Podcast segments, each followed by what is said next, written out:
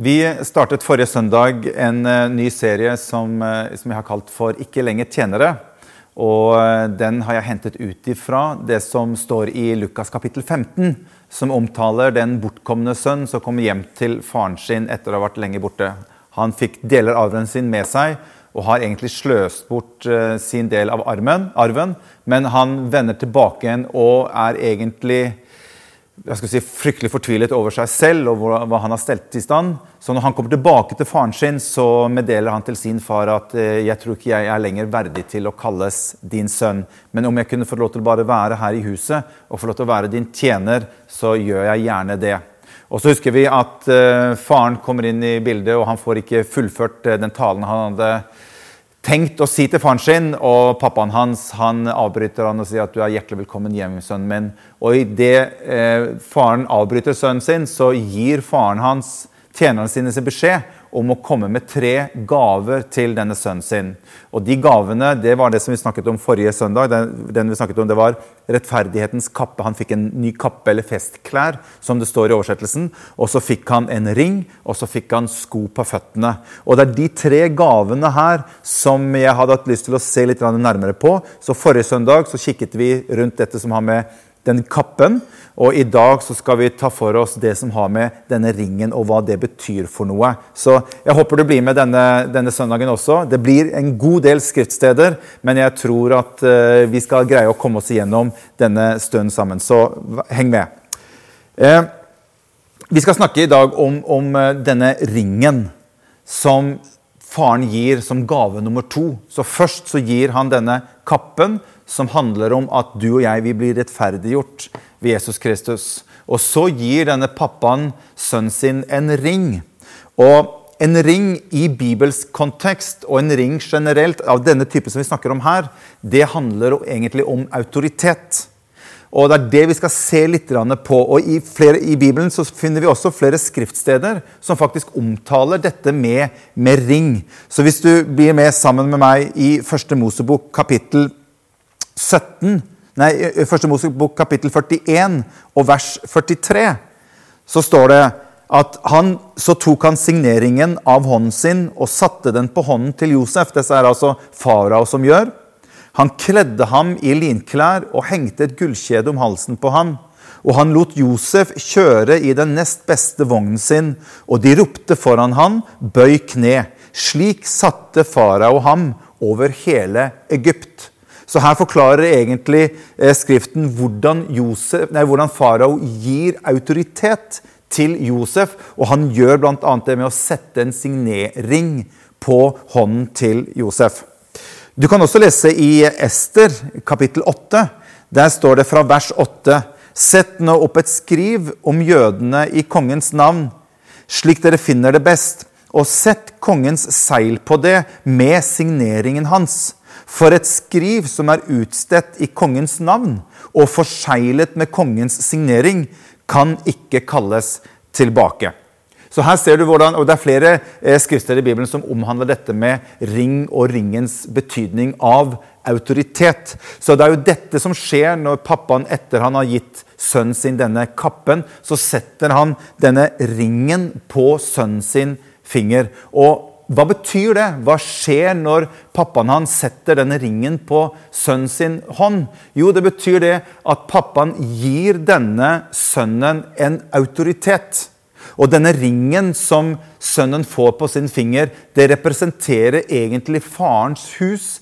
Det representerer, eller Sønnen blir på en måte også en representant for hvem faren hans er. Og hva skal vi si, husets ressurser tilkommer på denne måten denne sønnen fordi at pappaen gir han autoritet til å forvalte det dette huset hans står for, og det det huset hans representerer.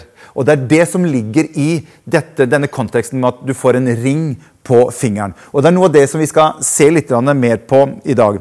Eh, ordet autoritet er jo egentlig et litt sånn si, litt belastet ord, fordi at vi ser så ofte, så mange ganger, at autoritet misbrukes. Og man tror på en måte at autoritet kan bare brukes som man selv finner det for godt. Men den type autoritet som vi her snakker om, i Bibels kontekst, det bygger på noen helt andre premisser. Og det er noe av det som jeg ønsker å dele litt med dere i, i, på denne søndagen her. Eh, jeg husker jeg var på, på opplæring. Eh, sikkert mange av dere som sitter og ser på, også husker med, si, med skrekk og gru når vi var i, eh, Sivilforsvaret. Og vi var på opplæring i mange mange dager på en eller annen leir. Jeg husker ikke hvilket, uh, hvilken leir.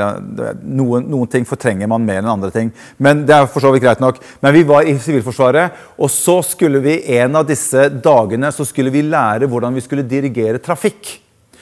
Uh, og På morgenen da så kommer det en ekte politimann ordentlig sånn skikkelig sånn streit politimann, som skulle lære oss og gi oss litt undervisning i hva vi skulle gjøre og hva vi skulle passe på når vi skulle gå ut i dette krysset for å dirigere og stoppe og, og, og, og dirigere trafikk. Så han var med oss en par timer og hadde litt undervisning. Og jeg husker godt at det å sitte og høre på den politimannen når han eh, snakker om hvordan dette skal gjøres, eh, teoretisk, det var liksom én ting. Og jeg tenkte at dette her er jo for så vidt ganske straight forward. Dette her, er jo, det, her fikser vi jo lett.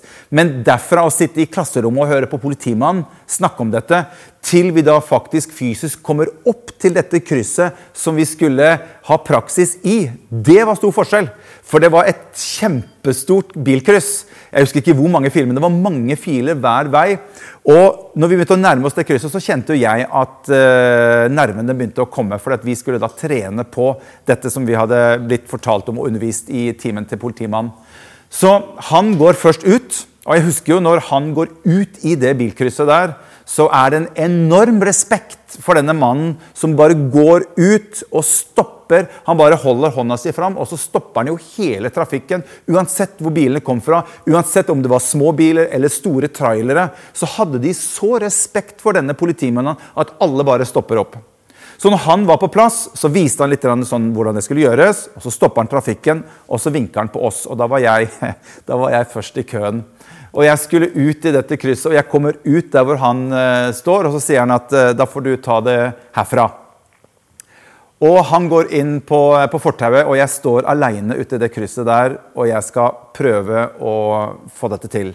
Og det går bra i ca. 20 sekunder. Så begynner eh, biler å tute. Og så begynner biler å kjøre, og til slutt så er det bare totalt kaos. Og jeg kjenner at jeg blir jo mer og mer nervøs. Jeg kjenner jo bare at alle disse bilene kommer bare nærmere og nærmere innpå meg. Så jeg måtte, jeg måtte rope på seg, du, nå tror jeg du må komme ut her. Og han da kommer ut og hjelper meg i den situasjonen og fikk rydda opp i kaoset som har skjedd uti der. Men når han var der ute, så var det en enorm respekt. Og hvorfor forteller jeg denne historien? Jo, fordi at bildet med denne politimannen ute i dette krysset er egentlig et fint bilde på det som har med autoritet å gjøre. For det var jo ikke det at han var så veldig sterk i seg selv som gjorde at bilene som kom til det krysset, hadde så veldig respekt for han isolert sett. Men det var jo det denne politimannen representerte, som gjorde at bilene hadde respekt. For når denne politimannen løftet opp sin hånd og ønsket at en bil skulle stoppe, så er det jo ikke bare politimannen selv som ber en bil om å stoppe. Det er jo egentlig hele Norges stat som løfter opp sin hånd og sier at 'nå må du stoppe'. Og Det er noe av det bildet som jeg synes er litt fint inn i denne sammenheng når vi snakker om autoritet. Det er at politimannen han visste veldig godt at i meg selv så har jo ikke jeg fysisk styrke nok til å stoppe disse bilene, men jeg representerer noe annet som er sterkere enn meg selv. Og i kraft av den autoritet som jeg har fått, så kan jeg utøve noe på vegne av den norske stat. Og Det er det som er litt poenget med dette som har med autoritet å gjøre. Jeg synes bare det er et fint bilde. Så vår far, på samme måte som denne pappaen gir sønnen sin denne ringen, så gir vår far oss en autoritet i Guds rike, i dette livet vi lever. Ikke for at vi skal på en måte bli noe store i oss selv, men han gir oss en adgang og en mulighet til og et ønske om å representere hans rike her på jorden som hans sønner og hans døtre. Slik at vi har muligheten til å kunne være til velsignelse og utøve hans rike her på jorden mens vi er her. Og det er det som ligger i denne ringen som denne, si, denne gutten får, denne sønnen får når han kommer tilbake til, til faren sin. Jesus hadde autoritet når han gikk omkring. Hvis du leser i Markus kapittel 1 og vers 22, der står det at alle var slått av undring over hans lære, for han lærte dem med autoritet og ikke som de skriftlærde. Og Noe som er veldig viktig å huske på når det gjelder autoritet eller myndighet, det er at all autoritet er gitt. All autoritet er gitt deg og meg fra noe annet. Derfor så skriver Paulus i Romerne kapittel 13 og vers 1 i, i, i den oversettelsen som jeg har her, så står det at all autoritet kommer fra Gud. Derfor så er det så viktig at du og jeg vet at vi har ingen autoritet i oss selv. Autoritet er noe som blir gitt oss på samme måte som denne sønnen fikk denne ringen ifra sin far. Eh, her er noen andre skrifter som vi skal bare ta med oss hvor autoritet kommer inn i bildet, ikke bare med Jesus, men disiplene hans, som han hadde med seg. For eh, Lukas han skriver det i kapittel 9 og vers 1. Der ser han at han kalte, altså Jesus kalte sammen de tolv og ga dem autoritet over alle onde ånder og makt til å lege sykdommer. Og Mange vil si i dag ja, men det var det som skjedde med de tolv disiplene. De fikk en spesiell utvelgelse. De fikk denne autoriteten fra Jesus direkte. Men det er fordi at da har vi bare lest i kapittel 9 i Lukas. Men hvis du går videre og leser i kapittel 10 og vers 1, der står det at etter dette, altså etter de tolv, så står det utpekte Herren også 70 andre. Og hvem er disse 70 andre? Jo, Vi skal lese litt senere, men dette er nye kristne. Det er det vi kaller for babykristne, altså nyfødte kristne som Jesus også tar ut. Og Du kan lese i vers 19 i videre, så står det der da sier Jesus videre Se, jeg gir dere makt, eller det som vi snakker om, autoritet, til å trampe på slanger og skorpioner, og over all den makt fienden har, og ingenting skal skade dere på noen måte. Det er noen elementer som jeg har lyst til å ta med rundt dette som har med autoritet å gjøre, som er veldig, veldig viktig som er prinsipper som autoritet ut ifra Guds ord bygger på. Og det er tre ting som jeg ønsker å dele med dere, som er ekstremt viktig. Det første det er ydmykhet. Ydmykhet er ikke noe som vi kan finne som er en slags form for sånn åndens frukt. Men ydmykhet tror jeg er selve utgangspunktet når vi leser Guds ord, for hvordan autoritet kan bygges ut ifra og virke ut ifra. Hvis du går til 1. Peterbrev kapittel 5 og vers 5, der står det at på samme måte skal dere unge underordne dere de eldste. Takk og lov for at det står sånne fine bibelsteder i, i Skriften. Men så står det også videre at ja, dere skal underordne dere hverandre. Og så står det noe og ikle dere ydmykhet. Og så står det for Gud står de stolte imot, men de ydmyke gir han stor nåde, eller gir han nåde. Så her ser du at hvis du ønsker at autoritet skal forsvinne ut av ditt liv, så blir vi stolte. Stolthet er den, si, det er den ingrediensen som minst får bibelsk, guddommelig autoritet til å fungere. For autoritet i Guds rike fungerer ut ifra ydmykhet. Det er derfor det står i dette skriftstedet at den ydmyke, den gir Gud nåde. Den ydmyke, den kan Gud forvalte sin autoritet igjennom vers 21 i Lukas, og der, der er fra kapittel 10. Der får du se på en måte hva Jesus sier litt senere. for det, Der står det egentlig noe fantastisk. for det sier han, han sier at i samme stund frydet Jesus seg i ånden og sa, 'Jeg takker deg, far, Herre over himmel og jord, for du har skjult dette for de vise og kloke, og har åpenbart det for umyndige små.' Hva er det som står egentlig her? Det er ikke sånn at Jesus takker for at han har skjult det for de kloke og de vise. Nei, det Jesus prøver å, å si her, det er at han, han, han takker for at det er når vi ser at i meg selv har jeg ikke noen ting som kan tilegne meg en slags form for autoritet. At autoritet ifra Gud det kommer ifra et ydmykt hjerte. Og det virker som at de nyfrelste de skjønte jo dette at dette her har ikke jeg noe i meg selv. For de hadde kommet tilbake etter at de hadde vært ute, og de fortalte om alt det som hadde skjedd med de når de var ute blant folket. Og så står det at Jesus han frydet seg og sa, 'Herre, jeg takker deg for at det er ikke visdom og klokskap i egen kraft som får dette til å fungere, men at vi får lov til å se og oppleve og få åpenbart for oss selv at det er ved å anerkjenne at autoritet det er noe som blir gitt deg og meg. Det andre elementet som er veldig viktig her, det er tro. Og si, vi, vi, kommer ikke bort, vi kommer ikke bort ifra dette som har med tro å gjøre. Den rettferdige han skal leve ved tro. Så tro og autoritet henger veldig tett sammen. Og Vi skal lese et skriftsted her som er ganske langt, men, men som, som, jeg synes er veldig fantastisk å se. Det er fra Matteus kapittel 8, og fra vers 5. Der står det da Jesus gikk inn i Kapernaum, kom en offiser til ham og ba om hjelp. Herre, sa han, tjenestegutten min ligger lam hjemme og har store smerter. Jesus sa, 'Jeg skal komme og helbrede ham'. Det er fantastisk med sånne som bare sier 'Jeg kommer, og så helbreder jeg ham'. Det, det liker jeg. Offiseren svarte, 'Herre, jeg er ikke verdig til at du kommer inn under mitt tak.' Men så sier denne offiseren Dette er en romersk offiser. Så sier han noe. 'Men si bare ett ord, så vil tjenestegutten min bli helbredet.' For, for, jeg står selv under kommando. Legg merke til at denne, denne offiseren bruker ordet 'selv'. For jeg står selv under kommando. Så han sier egentlig til Jesus at 'jeg ser at du står under kommando eller autoritet'. For jeg selv står under autoritet og har soldater under meg. Sier jeg til en 'gå', så går han. Og til en annen 'kom', så kommer han. Og til min tjener 'gjør dette', så gjør han det. Jesus undret seg da han hørte dette. Og han sa til dem som fulgte han, sannelig, jeg sier dere, en slik tro Ser du, har vi snakket om autoritet, og så kommer Jesus med en oppsummering ifra hva han hører fra denne offiseren. Og så sier Jesus, en slik tro har ikke jeg funnet hos noen i hele Israel. Hva er det som skjer her? Jo, det har noe med at denne offiseren ser hvordan dette med autoritet fungerer. Og den, denne offiseren han hadde en tro på hvordan Guds rike fungerer i, i prinsipp.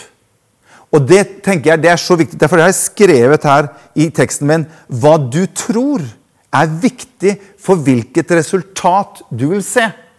Derfor er det så viktig at vi får med oss hva Guds ord sier om disse tingene. Bibelen sier faktisk også at det skjer som du tror.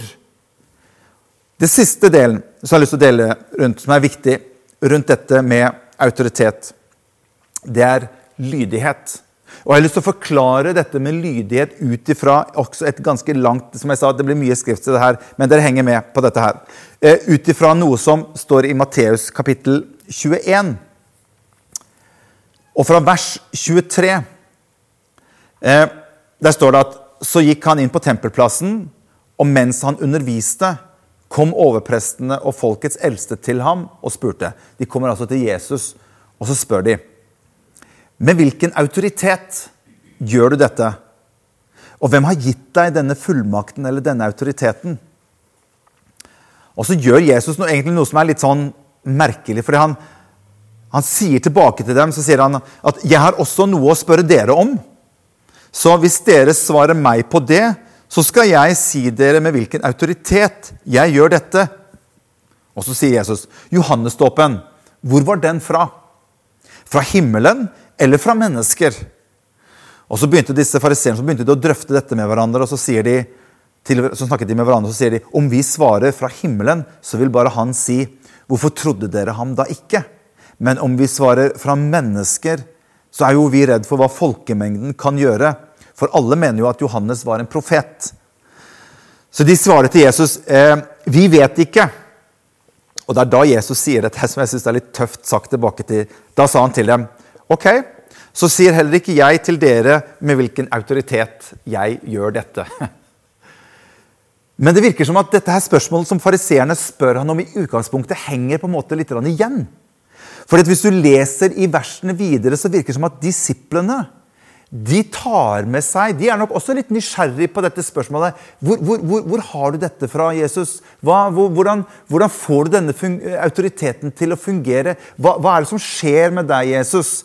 Fordi at Jesus spør disiplene i vers 28, for Jesus merker at de fortsatt tenker på disse spørsmålene. For Jesus sier på en måte at Hva mener dere? Hva tror dere, disipler? Eller tror dere, hvor tror dere at jeg har denne autoriteten ifra? Hvordan tror dere at jeg får denne autoriteten til å fungere? Og så fortsetter Jesus med å forklare disiplene. Og legger egentlig et svar litt sånn skjult i en liten historie om to sønner, som vi skal lese til slutt her, som står videre ifra, i, i samme vers fra vers 28. Så sier Jesus en mann hadde to sønner. Han gikk til den ene og sa, 'Min sønn, i dag skal du gå og arbeide i vingården.' 'Nei, jeg vil ikke', svarte han. Men senere angret han og gikk. Faren gikk så til den andre og sa det samme til han. 'Ja, herre, det skal jeg', svarte han. Men han gikk ikke. Og Dette er da det Jesus som sitter og snakker med disiplene sine. Så sier han, 'Hvem av disse to gjorde som faren ville?' Den første, svarte de. Da sa Jesus til dem, 'Sannelig, jeg sier dere, tollere og horer kommer før inn i Guds rike enn dere. Det som er litt spennende med den teksten bare vet Du skal henge med meg helt til slutt, nå så skal jeg forklare noe som er litt bra. Det som er litt spennende med det Jesus sier her, det er at her svarer egentlig Jesus på spørsmålet med å forklare noe ut ifra denne historien. På hva Hvor kommer min autoritet ifra? For han sier her er det to sønner, eller du kan si her er det to grupper med mennesker. Den ene blir spurt 'Jeg ønsker at du skal gjøre noe for meg.' De svarte først 'Jeg vil ikke'. Men så angret de etterpå, og så gjorde de det de hadde blitt, fått beskjed om likevel. Den andre gruppen sa i utgangspunktet at ja, det skal vi gjøre, men de gjorde ingenting. Og så svarer egentlig Jesus ut ifra dette. Og den første sønnen som først hadde sagt at 'jeg vil ikke', men han angret seg, og så gjorde han som faren hadde sagt, minner meg egentlig om den historien vi har snakket om i Lukas kapittel 15. Han angret seg, kom tilbake til sin far, og hans far setter denne ringen av autoritet på hans hånd. Og han angrer seg, og etterpå gjør han det hans far hadde ønsket at han skulle gjøre. Og Det virker som at her ligger løsningen som Jesus sier til disiplene sine ut ifra denne lille historien her. Hvor tror dere min autoritet kommer fra? sier Jesus til disiplene. Jo, min autoritet kommer ut ifra at jeg gjør det som er min fars vilje at jeg skal gjøre. Og så mange ganger som Jesus var så klar på at jeg gjør det jeg ser min far gjøre, jeg sier det min far ber meg om å si, der ligger autoriteten. Autoriteten i våre liv som kristne ligger i å gjøre det Gud har kalt oss til å gjøre. Det er da vi kommer inn under den autoriteten. For at Gud har et ønske, Gud har en plan med våre liv. Og når vi kan komme inn i det, og vi ønsker å gjøre det han har kalt oss til, da kobles det inn en autoritet fra hans side som er med på å forvalte og forsørge for at det som er på hans hjerte, kan bli fullført gjennom våre liv. Til velsignelse for oss selv og til velsignelse for mange mennesker rundt oss. Dette er det som skjer med sønnen når han kommer hjem. Enda han hadde vært så langt borte, enda han hadde sløst bort så mye, så får han denne kappen rundt sine skuldre. Han blir gjort rettferdig, og så setter faren denne ringen på han, og så gir han ham plass i sitt hus til å forvalte de ressurser som fins i sin fars hus. Vi skal be sammen til slutt. Far, jeg takker deg for at du har kalt oss til å være forvaltere av ditt rike. Takk for at du har gitt oss en plass i ditt hus. Du har satt en ring på vår finger til å være representanter for ditt rike. Jeg ber om at du skal gi oss av disse tre elementene som vi har snakket om i dag. At du skal gi oss ydmykhet, at du skal gi oss tro, og at du skal gjøre oss lydige til å gjøre det som du har kalt oss til i livet vårt. Jeg takker deg for hver eneste en som ser på, eller som hører på. Jeg ber om at du fortsetter å holde din hånd om oss og hjelpe oss til å si et ja til det kall som du har kalt oss til i vårt liv, i vår tro. I Jesu navn. Amen. Gud velsigne dere alle sammen.